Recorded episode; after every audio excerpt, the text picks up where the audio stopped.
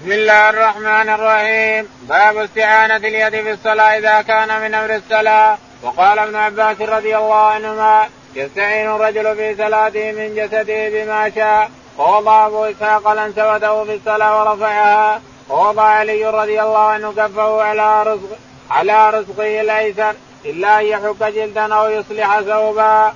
قال رحمه الله حدثنا عبد الله بن يوسف.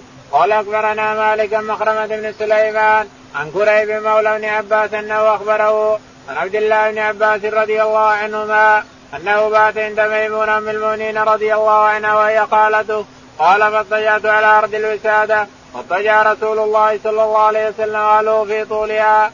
فنام رسول الله صلى الله عليه وسلم انتصف الليل أو قبله بقليل أو بعده بقليل. ثم استيقظ رسول الله صلى الله عليه وسلم فجلس.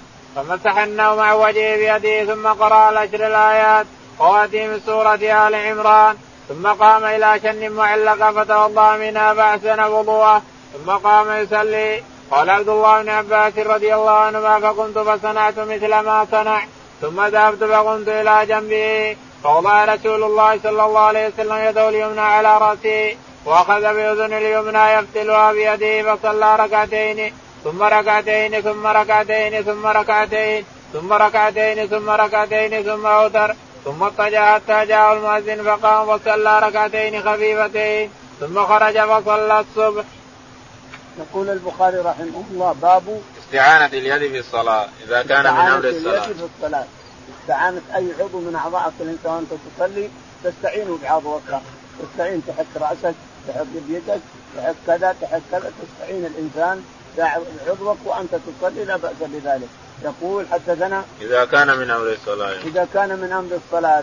يعني أنت تصلي داخل دخلت الصلاة ولكن جاء شيء حكك تحكه جاء شيء نزل هذا نزلت على تشيله ترفعها إلى آخره. يعني كل شيء تحتاجه الإنسان وأنت تصلي تسويه ترده إلى مكانه نعم. وقال ابن عباس رضي الله عنهما يستعين الرجل في صلاته من جسده بما شاء. يقول ابن عباس رضي الله تعالى عنه يستعين الرجل في صلاته بما شاء، كل شيء تحتاجه تستعين بيدك الإنسان اليمنى أو يدك اليسرى أو رجلك أو شيء من هذا تستعين بها.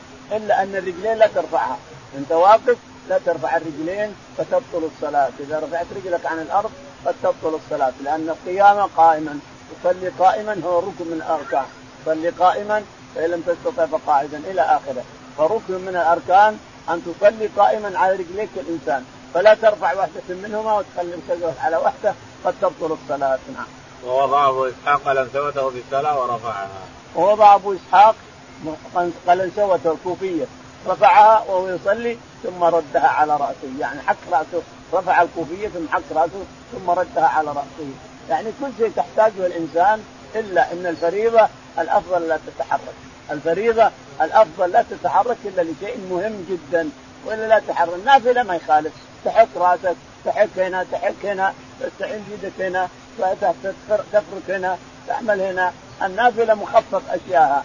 لكن الفريضة لا يمكن إلا شيء تحتاجه غصبا عليك الإنسان. تحتاجه غصبا عليك لا تفعله حينئذ نعم. ووضع علي رضي الله عنه كفه على ركبه الايسر إلا أن يحك جلدا أو يسلم. ووضع علي رضي الله عنه ويده على ركبته هنا يحك ويحك جلده وهو يصلي لا بأس بذلك، كل هذا تستعين بيديك اليمنى ولا اليسرى على ما تفعل على ما تريد من جسدك الإنسان نعم.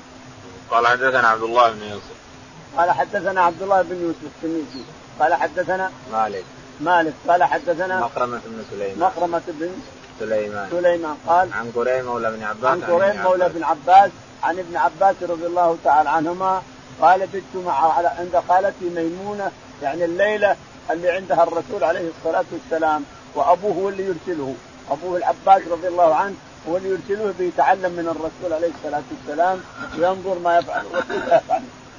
يقول فبت عند خالتي ميمونة يقول فجاء الرسول ونام عليه الصلاة والسلام إلى منتصف الليل أو بقى قريبا منه أو بعد أو قبله يقول فلما انتصف الليل قام عليه الصلاة والسلام ثم مسح وجهه ثم قرأ آخر آل عمران إن في خلق السماوات والأرض واختلاف الليل والنهار الآيات اللي الألباب العشر الآيات ثم قام فتوضأ من شنة الشنة قربة قربة محطوطه على قناره قناره هكذا وتحط في حبلها هنا وهي تدودل كذا فصب ماء ثم توضأ فأحسن الوضوء ثم كبر يصلي. يقول ابن عباس لما رايته فعل كذلك قمت سويت مثل ما سوى في الوضوء ثم قفزت عن يساره فأخذ بشعر رأسي وأخذ بيده يحرك يحرك أذني يفركها ثم جرني إلى اليمين. معنى هذا أنك إذا صليت على اليسار ويمينك خالي بطلت صلاة اليسار اللي صلى عن يمينك تبطل لابد تصلي عن اليمين أو إذا كان اليمين فيه آدمي واليسار فيه ادمي صحت أما أن يكون اليسار اليمين خالي وتصلي يسار وصلاتك على اليسار باطلة. يقول فجرني حتى أوقفني على يمينه. الشاهد من هذا الحركات. أخذ بشعر راسه اولا ثم أخذ بإذنه يفتلها ثم جره جرا حتى أوقفه عن يمينه. كل هذه حركات معناها أنها جائز الانسان الشيء اللي تحتاجه تفعله نعم. باب ما ينهى من الكلام في الصلاة. قال رحمه الله دثنا ابن نمير قال دثنا ابن فضيل قال دثنا الأعمش عن إبراهيم عن علقمة عن عبد الله رضي الله عنه قال كنا نسلم على النبي صلى الله عليه وسلم في الصلاة فيرد علينا فلما رجعنا من عند النجاشي سلمنا عليه فلم يرد علينا وقال إن في الصلاة لشغلا يقول البخاري رحمه الله باب ما ينهى من الكلام في الصلاة. ما ينهى من الكلام في الصلاة. يعني إذا صلى الإنسان ما يتكلم لا لأن الكلام يبطل الصلاة. الكلام حتى ولو من شأن الصلاة يبطلها. لا سيما إذا كان إمام يكلمه مأمومين وهو ساهي إذا تكلم هذا وتكلم هذا وكثر الكلام بطلت صلاتهم حتى ولو كانت فريضة. تبطل. لكن إذا كان من من جنسها سبحان الله لا بأس بذلك. يسفي عن القراءة مثلا أو يريد سجود ولا يدري كيف يفعل. جالس هو ويريد أن يسجد وهو داري يفعل. أو يريد أن يركع وله داري كيف يفعل. تنبهه بآية من القرآن. فاسجد واقترب. فاسجد واقترب علشان يسجد. وإن كان قياما وقوموا لله قانتين علشان يقوم. تنبه إذا كان ما انتبه سبحان الله سبحان الله ما يدري سبحان الله لأي شيء. هو جالس الآن ولا يدري ما الذي حصل عليه. فلا فنبهنا بسبحان الله ما انتبه. تقرأ له آية اللي تريده؟ يفعله. تقرأ الآية اللي تفهم؟ يفهم بها فيفعله حينئذ ويسجد السوء بعد ذلك. يقول نعم. حدثنا ابن نمير عبد الله. حدثنا عبد الله بن نمير. قال حدثنا محمد بن فضيل. محمد بن فضيل. قال حدثنا الأعمش. الأعمش. قال عن إبراهيم بن يزيد. عن إبراهيم بن يزيد النخعي. قال عن علقمة عن عبد الله. عن علقمة بن قيس النخعي. عن عبد الله بن مسعود رضي الله تعالى عنه قال كنا قال كنا نسلم على النبي صلى الله عليه وسلم وفي الصلاة فيرد علينا. قالت كنا نسلم على النبي عليه الصلاة والسلام وهو في الصلاة فيرد علينا السلام عليكم السلام. وهو يصلي يقول لما هاجرنا إلى الحبشة هاجر الناس إلى الحبشة ورجعوا سلمنا عليه ما رد علينا. ثم أرشدنا أن الصلاة فيها شغل ولا يجوز الكلام فيها حتى من جنسها لا يجوز. يقول فصار الصلاة كما في حديث الحكم بن عمرو اللي قال الله ما بال الناس يقولون كلم فقال يا يا, عمرو إن الصلاة هذه فيها شغل ولا يجوز الكلام فيها لأنه يبطل الكلام يبطل الصلاة فإذا تكلمت وتكلم غيرك بطلت الصلاة نعم. قال رحمه الله حدثنا ابن نمير قال حدثنا إسحاق بن منصور قال حدثنا هريم بن سفيان عن الأعمش عن إبراهيم عن القمان عبد الله رضي الله عنه عن النبي صلى الله عليه وسلم نحوه. يقول البخاري رحمه الله حدثنا آه، محمد بن نمير. محمد بن نمير قال حدثنا اسحاق بن منصور. اسحاق بن منصور قال قال حدثنا هريم بن سفيان. قال هريم بن سفيان قال عن الأعمش عن إبراهيم عن الأعمش عن إبراهيم عن قيس عن علقمة بن قيس عن ابن مسعود. بمعنى الحديث. بمعنى الحديث الأول أنهم كانوا يسلمون على النبي عليه الصلاة والسلام فيرد عليهم. ولما أتى الناس من الحبشة نزل التحريم. نزل تحريم الكلام في الصلاة. فقال لأن عمرو بن معاوية لما جاء سلم تكلم ثم حصبوه حصبوه واوموا قال سبحان الله ما لهم هؤلاء يحسبوني ما قلت ما الذي قلته؟ لما سلم الرسول عليه الصلاة والسلام قال يا عمرو إن هذه الصلاة لا يصلح فيها شيء من كلام الناس. هذه الصلاة لا يصلح فيها شيء من كلام الناس اطلاقا. لا يصلح فيها شيء من كلام الناس. يعني أنك لا يمكن أن تتكلم ولو من شأن الصلاة ولو من شغل الصلاة ولو من فانك لا تتكلم. إذا تكلمت بطلت الصلاة. نعم. قال رحمه الله دثنا إبراهيم بن موسى. قال أخبرنا عيسى عن إسماعيل عن الحارث بن شبيل عن أبي عمرو الشيباني قال قال لي زيد بن أرقم رضي الله عنه إن كنا لنتكلم في الصلاة على عهد النبي صلى الله عليه وسلم يكلم أحدنا صاحبه بحاجته حتى نزلت قوله تعالى حافظوا على الصلوات والصلاة الوسطى الآية فأمرنا بالسكوت.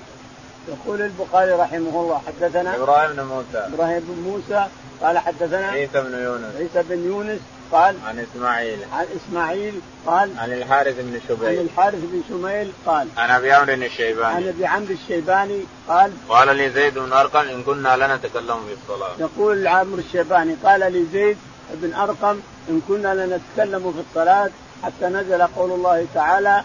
نعم. قول الله تعالى. حافظوا على الصلوات حافظوا على الصلوات والصلاة الوسطى ثم قال وقوموا لله قانتين. هذا وقوموا لله خاشعين ولا تتكلمون. هذه نزلت حافظوا على الصلوات والصلاة الوسطى وهي العصر وقوموا لله قانتين خاشعين. يعني معناها أنهم أبطلوا الكلام خلاص. فلا تتكلم. القانت هو الخاشع لرب العالمين وقوموا لله قانتين. نعم. باب ما يجوز من التسبيح والحمد في الصلاة للرجال. قال رحمه الله دثنا عبد الله بن مسلمة قال دثنا عبد العزيز بن أبي حازم عن أبي انصار رضي الله عنه قال خرج النبي صلى الله عليه وسلم يصلي بين بني عمرو بن عوف وحانت الصلاة فجاء بلال ابا بكر رضي الله عنهما فقال حبس النبي صلى الله عليه وسلم فتهم الناس قال نعم إن شئتم. فقام بلال الصلاه فتقدم أبو بكر رضي الله عنه فصلى فجاء النبي صلى الله عليه وسلم يمشي في الصفوف يشقها شقا حتى قام في الصف الأول واخذ الناس بالتصفيق. قال سهل هل تدرون ما التصفيق؟ هو التصفيق وكان أبو بكر رضي الله عنه لا يلتفت في صلاته فلما أكثروا التفت فإذا النبي صلى الله عليه وسلم في الصف فأشار إليه مكانك فرفع أبو بكر يديه فحمد الله ثم رجع القرقراء وراءه وتقدم النبي صلى الله عليه وسلم وصلى. يقول البخاري رحمه الله باب ما يجوز من التسبيح والحمد في الصلاة باب ما يجوز من التصفيق من التسبيح والحمد لله والتصفيق أيضا. يجوز. قال حدثنا عبد الله بن مسلمة. عبد الله بن مسلمة. قال حدثنا عبد العزيز بن أبي حازم. عبد العزيز بن أبي حازم.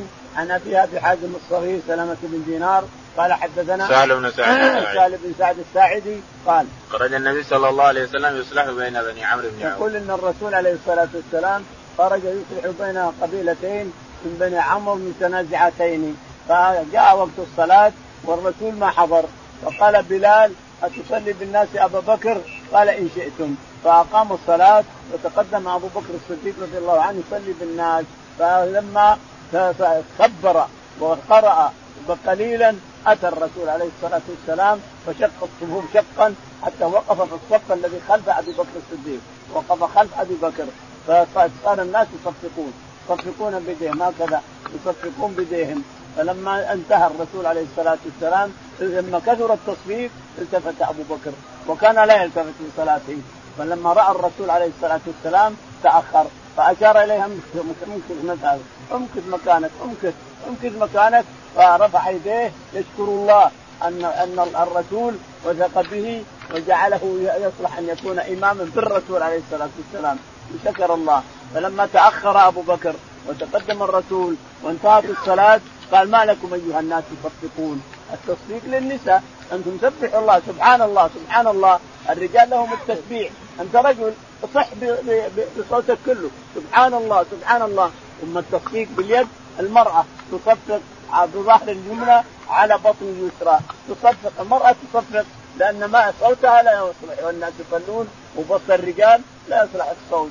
أما الرجال فيسبح. سبحان الله سبحان الله. وإذا كان يريد أن ينبه الامام عن شيء ما عرفه وسبحان الله ما انتبه لا ما انتبه للشيء اللي يريده. تقرأ آية الإنسان. تقرأ آية تناسب ما تريده للامام إن كان قيام تقول وقوموا لله قانتين وإن كان ركوع واركعوا واسجدوا وإن كان فاسجد واركع إلى آخره. تأتي بآية من القرآن هذا الذي حصل على عبد الله بن مسعود رضي الله عنه وذكره ابن مسعود عن تلاميذه. كانوا ينبهونه بالقرآن. ابن مسعود أخبرهم أنه ينبه بالقران إذا إذا لم ينتبه بالتسبيحات فنبهه بآية من القرآن لا بأس بذلك. باب من سمى قوما أو سلم في الصلاه على غيره مواجهة وهو لا يعلم. قال رحمه الله دثنا عمرو بن عيسى قال حدثنا أبو عبد الصمد عبد العزيز بن عبد الصمد قال حدثنا حسين بن عبد الرحمن عن أبي وائل عن عبد الله بن مسعود رضي الله عنه قال كنا نقول التحية في الصلاة ونسمي ونسلم ويسلم بعضنا على بعض. فسمعه رسول الله صلى الله عليه وسلم فقال قولوا التحيات لله والصلوات والطيبات. السلام عليك أيها النبي ورحمة الله وبركاته. السلام علينا وعلى عباد الله الصالحين. أشهد أن لا إله إلا الله. أشهد أن محمدا عبده ورسوله. فإنكم إذا فعلتم ذلك فقد سلمتم على كل عبد صالح في السماء والأرض. يقول البخاري رحمه الله الكتاب من سمى قوما أو سلم في الصلاة على غير مواجهة. أو سلم في الصلاة. قال حدثنا على غير مواجهة وهو على غير مواجهة. قال حدثنا عمرو بن عيسى. عمرو بن عيسى قال حدثنا عبد العزيز بن عبد الصمد. عبد العزيز بن عبد الصمد قال عن حسين بن عبد الرحمن. عن حسين بن عبد الرحمن عن أبي وائل. عن أبي وائل قال عن عبد الله بن مسعود. عن عبد الله بن مسعود رضي الله تعالى عنه قال قال كنا نقول التحية في الصلاة ونسمي ويسلم بعضنا قالوا كنا نقول التحية في الصلاة ونسلم بعضنا على بعض ونصلي فلما انصرف الرسول عليه الصلاة والسلام قال لا تقولوا هكذا ولكن قولوا التحيات لله والصلوات والطيبات. السلام عليك أيها النبي ورحمة الله وبركاته. السلام علينا وعلى عباد الله الصالحين. أشهد أن لا إله إلا الله وأشهد أن محمدا عبده ورسوله. فإنكم إذا قلتم ذلك شملت تحياتكم هذه. كل من على وجه الأرض من الملائكة ومن الإنس والجن. يشهد كل عبد صالح على وجه الأرض. هذه الأحاديث كلها اللي نقراها الليلة. تقدمت في كتاب الصلاة في صفة الصلاة في صفة الصلاة تقدمت في البخاري في صفة الصلاة ولكن يكررها هنا لأجل المناسبة.